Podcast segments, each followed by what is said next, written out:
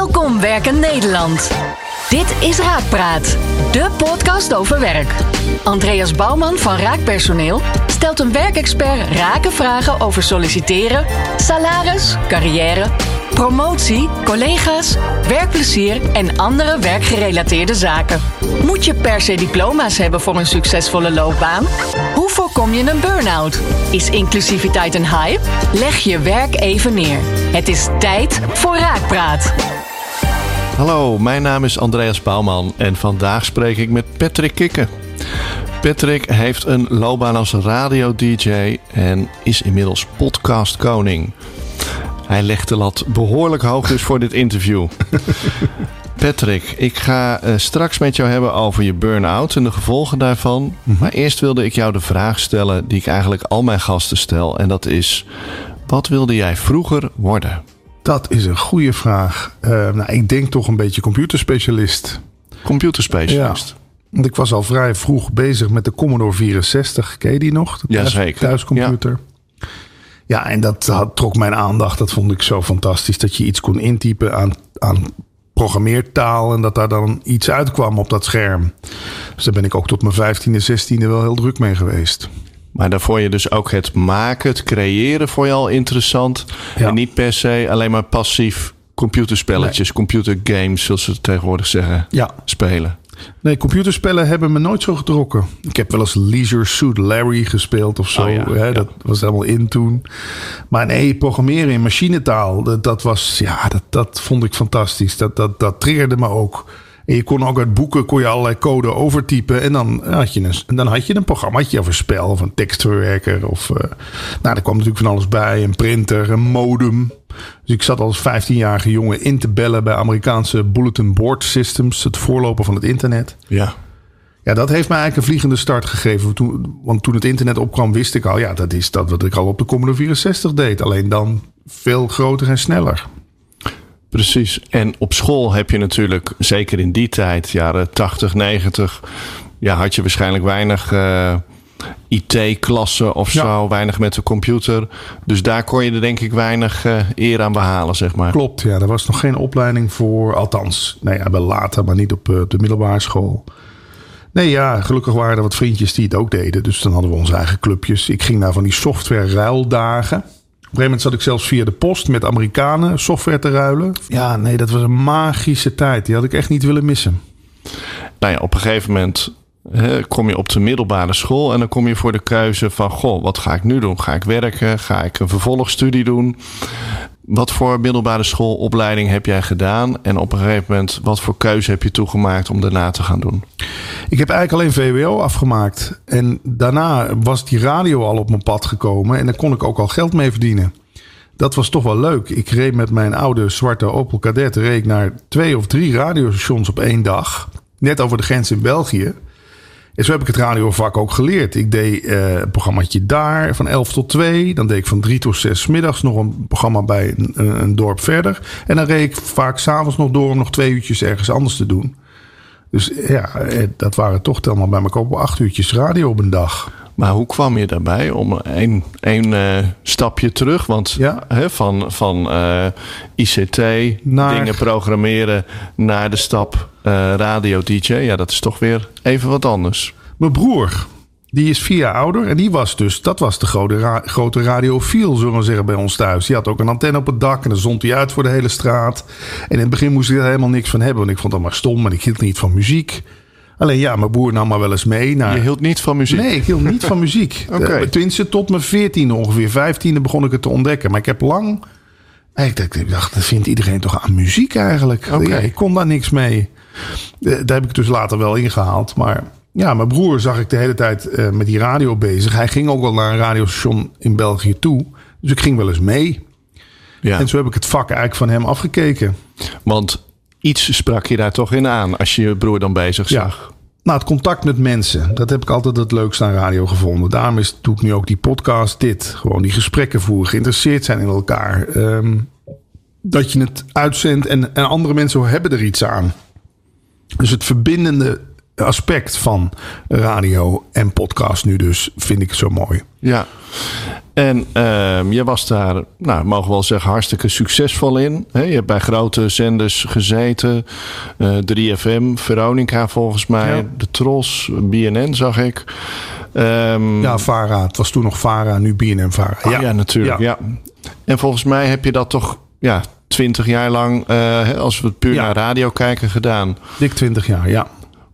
Ontrok je daar ook ehm, je identiteit aan? Of wat, wat, betekende werk voor jou in die fase? Nou, ik werd mijn werk, als het ware. Hè?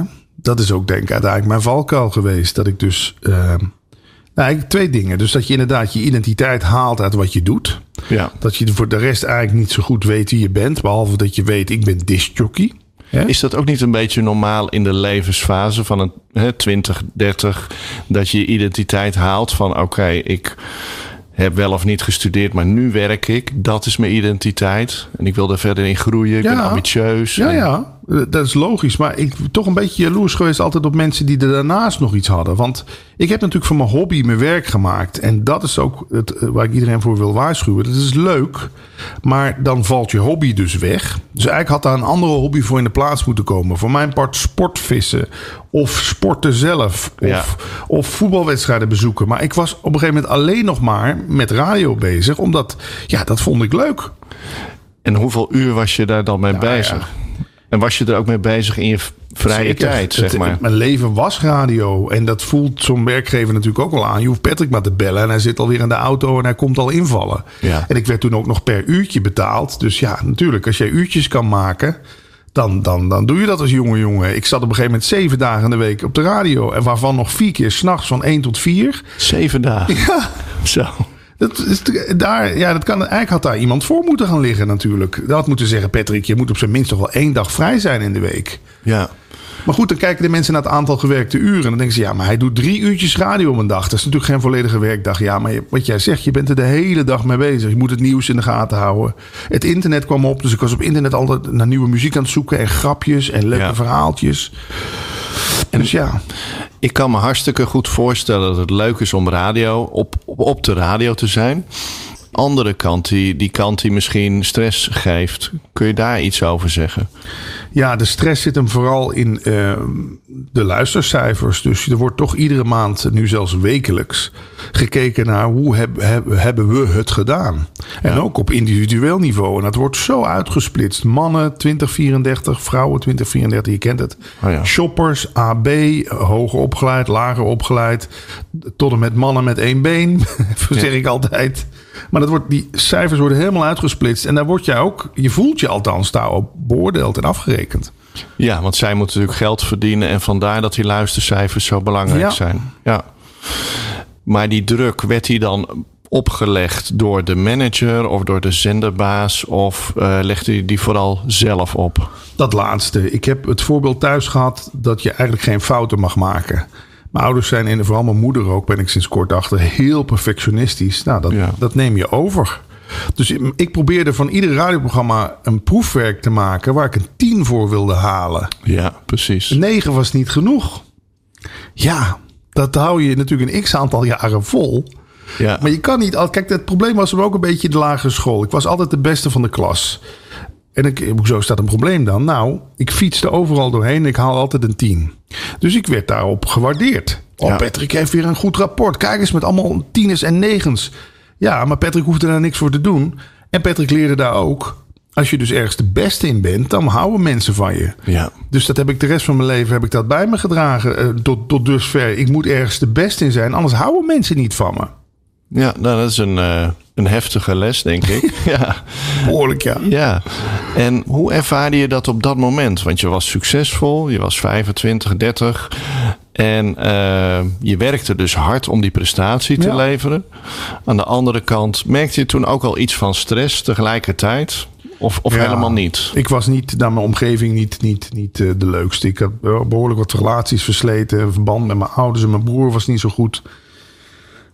Band met buren, want op een gegeven moment kun je ook niks meer aan geluid verdragen. Je, je, je hebt, eh wij spreken, je hebt je rust echt nodig. Je slaap, als je al een uurtje te kort slaapt, ben je al niet meer te genieten. Tenminste, in mijn geval. Ja. Omdat je zo aanstaat.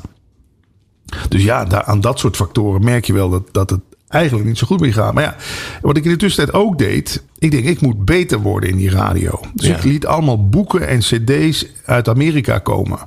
Weet je wel, van die eh, cursusmateriaal. In Amerika heb je gewoon broadcast high schools. Die heb je. Aan die tijd had je die in Nederland niet. Dus zonder te veel uit te wijden eh, ging ik mezelf ook nog eens, eh, wat mij wel hielp, bijspijkeren. Maar ja, dan heb je er nog een studie naast. Ja, precies. Je ging jezelf eigenlijk nog meer druk opleggen. Ja. ja. Wat ook wel geholpen heeft, want daardoor viel ik ook bij andere stations op. Daarom ben ik ook de ochtendshow bij Veronica kunnen gaan doen. Die dachten, hé, hey, die jongen die investeert in zijn eigen eh, toekomst. Ja, dat is eh, iemand die innoveert en, en continu Ja. wil presteren. Ja. Maar had je daarnaast ook nog... Je zei al van ik heb geen hobby's. Of ik had toen geen andere Ja. hobby's dan, dan radio maken. Had je wel momenten op de dag dat je ja, helemaal kon ontspannen bijvoorbeeld? Op een andere manier? Daar was wel iets voor nodig, ja. Ik ging heel veel naar het theater, kan ik me nog herinneren in die tijd. Ik kocht echt voor twee, drie voorstellingen in de week eh cabaret voor, eh, voorstellingen, ja. kaartjes. Heel veel naar de film. Dat, dus dat waren mijn escape routes. Film, cabaret. Maar toch ook wel ja, op dat internet maar bezig zijn. Toen moest ik een website lanceren, kikker.com. Maar ja, dan had ik er weer een taak bij. Maar ja, ik dacht, er is nog niemand, geen disjockey in Nederland met een eigen website. Tegenwoordig doet iedereen aan social media. Maar in de jaren Ja. 90 was dat helemaal nog niet zo. Ik denk, ik moet mijn naamsbekendheid vergroten. Een merk worden misschien ja, wel. Juist. Ja, Patrick Ja. Kikker moet een merk worden. Nou, dat is in de tussentijd ook wel gelukt. Maar ja, dan heb je er weer een taak bij, hè?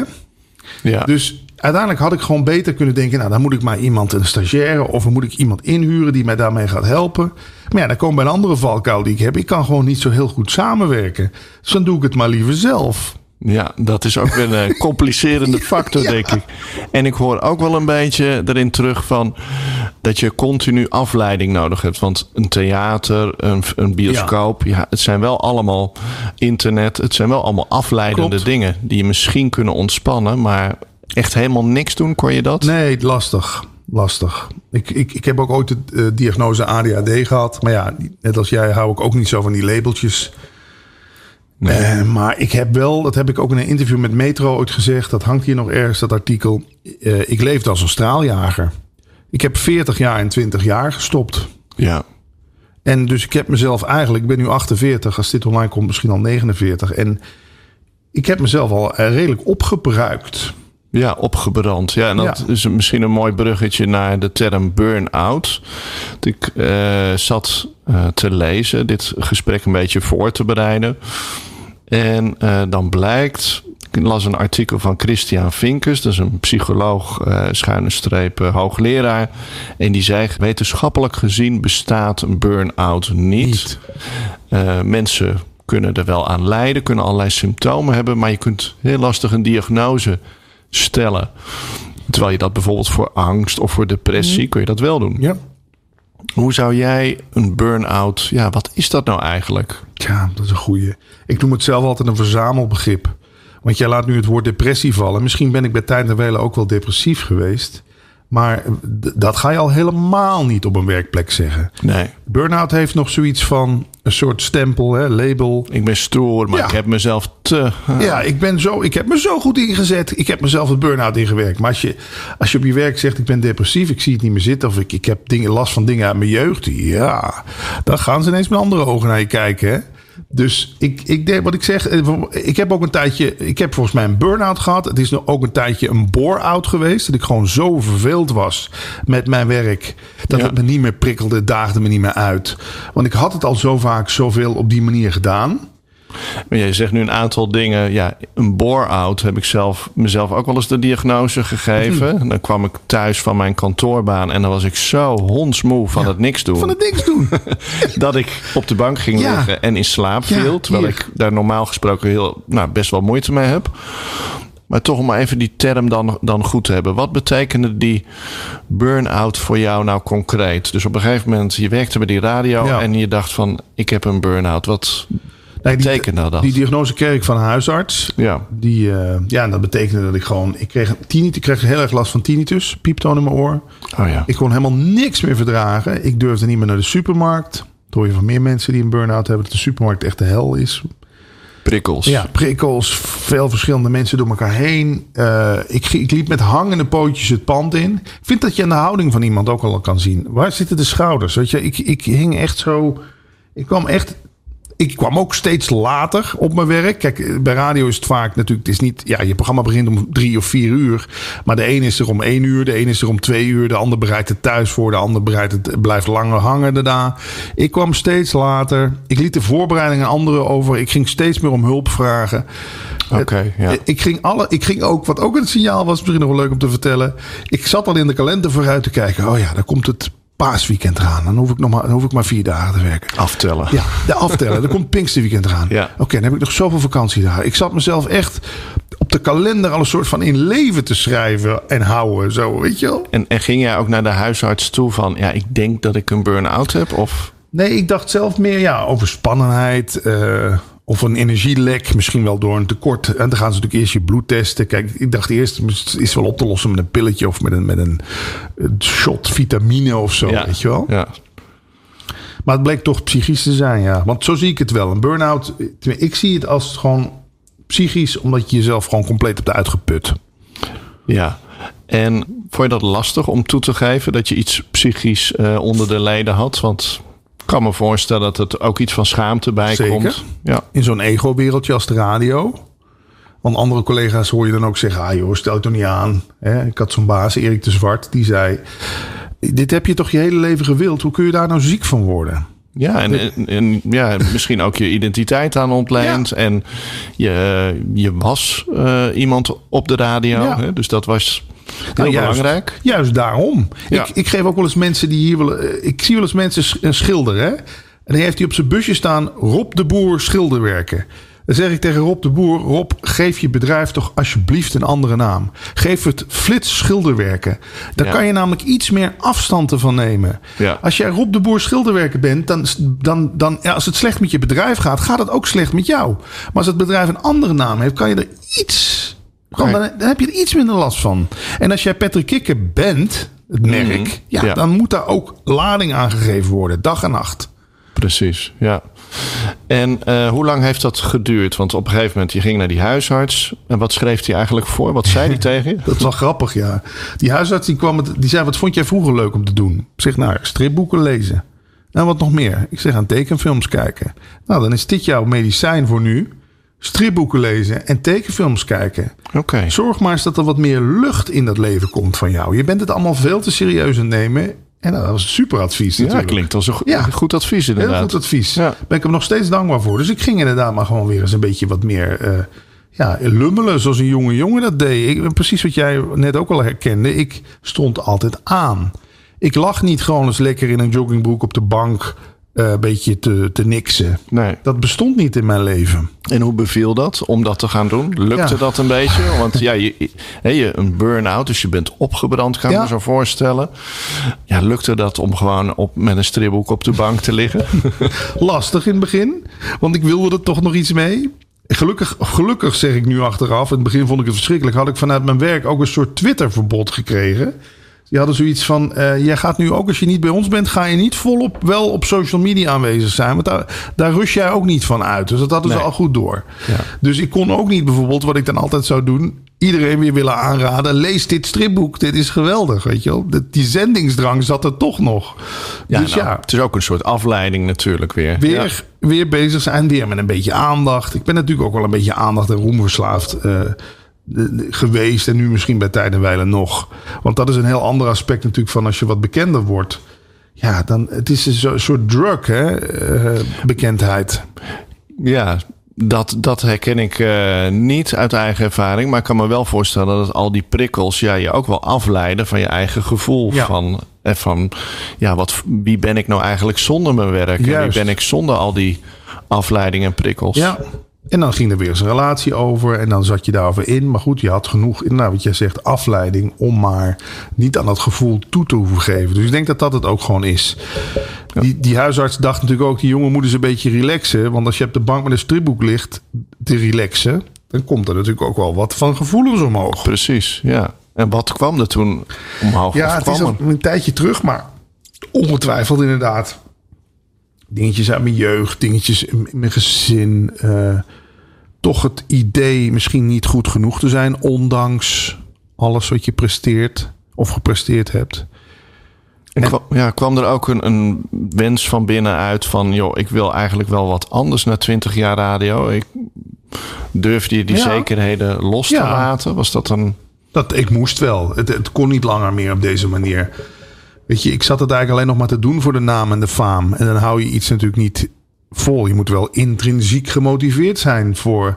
Je moet dat het leukste vinden op aarde. Oh, nee, er mag er wel eens een dag bij zijn dat je misschien niet zoveel zin in hebt. Maar zeker bij radio. Mensen voelen door de radio heen of jij er wel zin in hebt wat je zit te doen. Ja, dat hoor je. Hè? Ja. ja. Ja. Kijk, bij die podcast nu ho- hoop ik tenminste dat mensen ook voelen van... hé, dat vind, hij vindt het leuk. Hij is oprecht geïnteresseerd. Jij ook. Je vindt dit ook leuk om te doen. Maar bij de radio kun je het niet faken. Nee. Nee ja, ik hoor ook absoluut eh, als ik jouw podcast luister van... eh daar zit iemand met een ja, aangeboren nieuwsgierigheid om te weten wat die ander bezighoudt. Ja. Dus dat hoor je inderdaad door de podcast heen aan de andere kant. Zo'n burn-out, hè? ik geloof dat er meer dan een miljoen mensen die die eh, betiteling hebben gehad in Nederland. Zijn dat een bepaald type mensen? Zijn dat meer gevoelige mensen? Zijn dat andere mensen dan? Ja, eh, of kan dat iedereen overkomen? En dat vind ik een hele goede vraag. Ik denk dat er sommige mensen misschien zelfs gewoon een burn-out hebben... maar er gewoon ja, mee blijven rondlopen of Kan zo. je je pensioen halen met ja, een burn-out? Ja, dat is een goede vraag. Ja. Ik denk het wel, want ik zie zat mensen die zich dan maar gewoon iedere dag s'avonds vol laten lopen met alcohol om dan toch maar te kunnen ontspannen. Of nog erger, misschien zelfs drugs of gokken of weet ik wat je voor een verslaving kan krijgen. Je kan het lang volhouden, je kan het lang wegdrukken ook. En dan zie je alles om je heen in elkaar storten. Je gezin, eh, je relaties met mensen, met je familie. Maar gelukkig leven we niet meer in een tijd dat werk, ja, dat, dat, dat alles moet wijken voor het werk. Ik heb dat wel lang gedacht, omdat ik dacht, bij, het is vaak op posities die heel moeilijk te verkrijgen zijn. Zo'n positie bij de landelijke radio, daar zijn er maar weinig van. Ja, zeker. En heel veel Willen dat. willen dat. Ja, ja. dus dan ga, dat geef je niet zo gauw op. Ik heb dan ook twee keer een burn-out gehad. Eén keer in 2011 en de genadeklap, zeg ik altijd, kwam in september 2015. Ik heb het die vier jaar tussendoor echt nog op mijn tandvlees weer geprobeerd. Ja. Terwijl in 2011 het eigenlijk al duidelijk was dat dit niet meer, niet meer bij mij paste. En dan toch nog vier jaar lang op je tandvlees, het maar met alle zeilen bijzetten. ja. Het maar, omdat je dacht, ja, ik kan dit toch niet opgeven. Zo'n positie wil ik Nee. niet. Ik wil het niet loslaten. Nee, ja. kan ik me goed voorstellen. Ja. En wat heeft je toen toch doen besluiten in 2015? Of kon je gewoon toen niks anders dan loslaten? Nou, ik heb met geluk toch nogmaals zeg ik dat, dat ik tegen Erik de Zwart aangebotst ben. Want die had het eigenlijk feilloos door. Ik vind dat, dat wat dat betreft mag een baas daar, of bazin, of hoe je dat tegenwoordig noemt, de chef. Ja. Ik weet niet wat de juiste term is. Maar wees er alert op en durf ook echt bij diegene samen met de HR-manager of zo gewoon door te vragen. Totdat je op dat punt komt dat je echt ziet van nu breekt diegene of nu, nu vertelt diegene wel de waarheid. Ja. Want het duurt even voordat je het ook aan jezelf wil toegeven. En aan de mensen om je heen. En ja, dus wat ik zeg, Erik de Zwart had het feilloos door. Die zegt dit, dit, ja, hoe, die, zei, die vraag die hij stelde, hoe kan dit nou? Dat heb je toch je hele leven zo leuk gevonden. En hoe kan je daar nou ziek van worden? Dat klinkt Ja. misschien als een hele botte vraag. Maar ja, dat, dat zette wel iets in gang bij mij. Dat ik inderdaad dacht, ja, En wat was het antwoord wat je voor jezelf eh, formuleerde toen? ik denk toch de korte zin, ik vind er niks meer aan. Ja, te lang gedaan, Ja. te vaak gedaan. Ja, En, en want in het begin ging natuurlijk ook de omstandigheden de schuld geven. Het lag daaraan en ik word niet genoeg ondersteund. En de studio is verkeerd en het meubel kan niet hoog genoeg. En de stoelen zijn niet goed. Ik, ik trok er alles bij. Hè? Ja. Maar toen zei ook iemand tegen mij... ja, maar vroeger, vroeger deed je het nog op een sinaasappelkistje... met één plaatspeler onder je hand. Dan kwam je het nog doen. Ja. Dus we, de, de omstandigheden zijn misschien klein. Het zou een klein verschil kunnen, maar het moet vanuit jou komen. Jij moet dit gewoon leuk vinden om te doen. En, en ook gewoon er nog een uitdaging in zien. Ik zag er geen uitdaging Kan in. het ook zijn dat jij het medium eigenlijk een beetje ontgroeid was? Want het is natuurlijk wel een heel vluchtig medium. Juist, ja. Eh, podcast heeft veel meer diepgang. Ja. Kun je eh, een gesprek één op één doen. Kun je een hele andere kant van jezelf laten zien en je gast.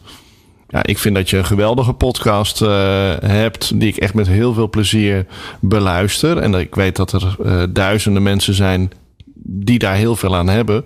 En ik vraag me af of er duizenden mensen naar een radio-dj luisteren. En denken van, oh, wat een geweldig kondigt hij nu weer een plaatje aan. Ik denk dat je, ja, als je het hebt over betekenisvol werk doen.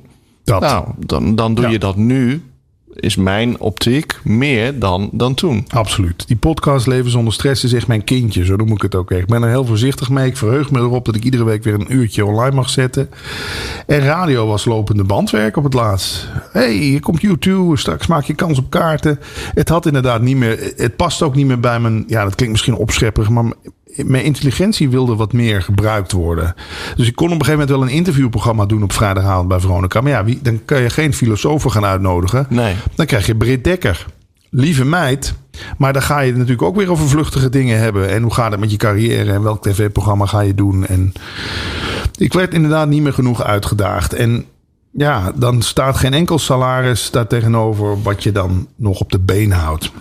Ja, want dat is natuurlijk wel even een praktisch praktisch gegeven. Je had daar, je was, was je daar eigenlijk freelancer in 2015? Nee, ik was in vaste dienst. Vaste dienst. Nou ja, dat kan misschien nog een extra punt zijn om het niet los te laten. Je hebt vast salaris, ja. prima inkomen. Ja, goed salaris ook. Eh, ik werkte er inmiddels 12 jaar. Wat je zei over identiteit. De club Veronica was gewoon mijn familie geworden. Ik kon mijn clubje toch niet in de steek laten. Dat was ook een gevoel wat ik had. Ik moet ze helpen, want het ging in die tijd ook nog niet zo goed met Veronica. De luisteraars waren behoorlijk gezakt. Ik denk, ja, dan kan ik toch niet ook nog wegvallen? Nee. En uiteindelijk heb je ook na dat gesprek uh, met Erik de Zwart. En uiteindelijk heb je dan toch die keuze gemaakt. Hoe voelde dat toen? Toen je voor jezelf had gezegd: Oké, nu kap ik er echt mee. Ik heb mijn tweede burn-out gehad. Ja. Ik stop ermee. Was het een gevoel van opluchting? Of was het ook wel iets van angst? Van oei, wat nu? Allebei. En uiteindelijk, als het aan mij had gelegen, was ik weer met hangende pootjes teruggegaan. Het is dat de heer De Zwart zoiets had van ja, maar hier gaan we niet nog een derde keer aan beginnen. en ik mocht dan wel vensterbankwerk komen doen. Hè, maar dan zat ik ineens achter een computertje, zat ik wat cabaretfragmenten te knippen. En, uh, Oké, okay, dus een soort redactiewerk ja, of ja, zo? Ja, ik, ik kwam ik op de redactie te zitten. Ik ja. mocht, dat vond ik ook gek, van de bedrijfsarts mocht ik mijn eigen werkschema maken. Wat ik dan dacht, wat ik aan zou kunnen iedere week opbouwen. Hè. Ja. Maar uiteindelijk hoefde nog maar dit te gebeuren weer. En, en er, was weer, er was weer een soort conflict situatie. Waarbij ik ook dacht, ja. Toen zijn we gewoon na twaalf jaar, uh, zoals dat heet, uh, goed uit elkaar gegaan. En nou, daar ben ik ook het bedrijf nog wel steeds dankbaar voor. We kunnen wel altijd het bedrijf de schuld geven dat ze, dat ze het zover hebben laten komen met jou. Maar uiteindelijk heb je natuurlijk zelf daar die verantwoordelijkheid in. Ik, ik ja. had gewoon veel eerder zelf moeten denken: is dit het nog? Nee, oké, okay, wat dan? Kijk, en dat is het nadeel van een vast dienstverband. Ik bedoel, ik geef het bedrijf het te doen. Dat het, want ik, twee jaar lang mag je nog, hè, zie, kan je bij wijze van spreken ziek thuis zitten. Het tweede jaar 70% ja. van je salaris. Maar het is me nogal wat. En dat is inderdaad ook de gouden kooi van een vast dienstverband. Want was ik freelancer geweest, ja, dan, dan, ja, dan weet ik niet of dat, of dat op die manier was gegaan. Precies. Toen je uiteindelijk toch die keuze had gemaakt, hoe voelde je je toen? Uh, ja, want het klinkt ook wel een beetje van ja. Dat het een keuze uit noodzaak was. Ja. En dat je er niet helemaal. Nee, ik heb er niets. Ik voelde ook niet echt als een keuze. Ik heb, het is zo gelopen. En met, met, met, uiteindelijk met dank aan een aantal omstandigheden. Maar het had best kans dat als het allemaal niet zo gelopen was, dan was ik nog steeds, zat ik nog steeds een paar dagen in de week dat te doen. Ja, precies. Ik durfde dat echt niet goed los te laten. Het is dat het, het, is dat het niet meer ging. En nu uh, zijn we inmiddels alweer 7, 8 jaar verder. Hoe ja. kijk je er nu op terug? Zie je het als een zegen of een vloek dat je het hebt gehad? Nee, het was, het was dus, uh, ik heb wel eens in een interview met Telegraaf uh, burn-out een geschenk van het bestaan genoemd. En dat klinkt ja. misschien wat zweverig of wat groots, maar jij begrijpt wel wat ik daarmee bedoel. De, ik moest nieuwe bossen gaan verkennen. Dit, dit, dit, het was een soort breekijzer. Tjak, Patrick moet daar weg. En, en Veronica en Patrick moeten uit elkaar. Ja. Dus het is uiteindelijk is het wel een geschenk geweest. En ik heb daardoor wel. Misschien was ik wel aan de drank of drugs geraakt om het maar te kunnen blijven volhouden. Misschien had ik mezelf wel de vernieling in geholpen. Dus ja. dat zie ik ook aan al die arme artiesten die maar ieder jaar weer hun eigen hitjes moeten zingen op het podium. Ja, precies. Ja. Die na 40 jaar weer oh. diezelfde. Je ziet ze gewoon ieder jaar achteruit gaan. En, en daarom snap ik ook dat sommige artiesten op een gegeven moment gewoon zeggen: Nou, dit wil ik niet meer. Ik vertrek. En hè, jij hebt die keuze uiteindelijk gemaakt. Um, voor mensen die daar nu in zitten, die naar hun werk gaan en denken: Oh god, weer diezelfde koppen, weer diezelfde ja. dingen die ik moet doen. Is de beste oplossing altijd rigoureus kappen? Of zijn er andere stappen die je dan kunt zetten? Wat ik niet wist, is dat je ook voordat je uitvalt al met de bedrijfsarts kunt gaan praten. Dat wist ik niet. Dat had ik eigenlijk misschien wel kunnen gaan doen. Dan hadden we een soort externe partij gehad. Oké, die werd achteraf bleek wel door het bedrijf betaald. Maar dat maakt me niet uit. In ieder geval iemand die er een beetje afstand van had. En gewoon zeggen, Ja. het, het loopt niet lekker. Ik krijg het niet meer op de rit. Wat zijn de mogelijkheden? Misschien had ik wel minder kunnen gaan werken. Of, of ander werk Oh ja, ja. voordat ik uitviel. Ja, ik weet er eigenlijk weinig van. Maar kan iedereen zomaar naar de bedrijfsarts eh, toe, blijkbaar? Dat, dat is mij verteld. Dat je ook Ja. een afspraak met de bedrijfsarts kunt maken. Terwijl je gewoon nog functioneert, zullen we maar zeggen. Omdat je het zelf. Je bent natuurlijk, je kent jezelf het allerbeste. Alleen, ja, je wil natuurlijk ook naar je baas. Dat komt dan natuurlijk wel weer bij je baas terecht.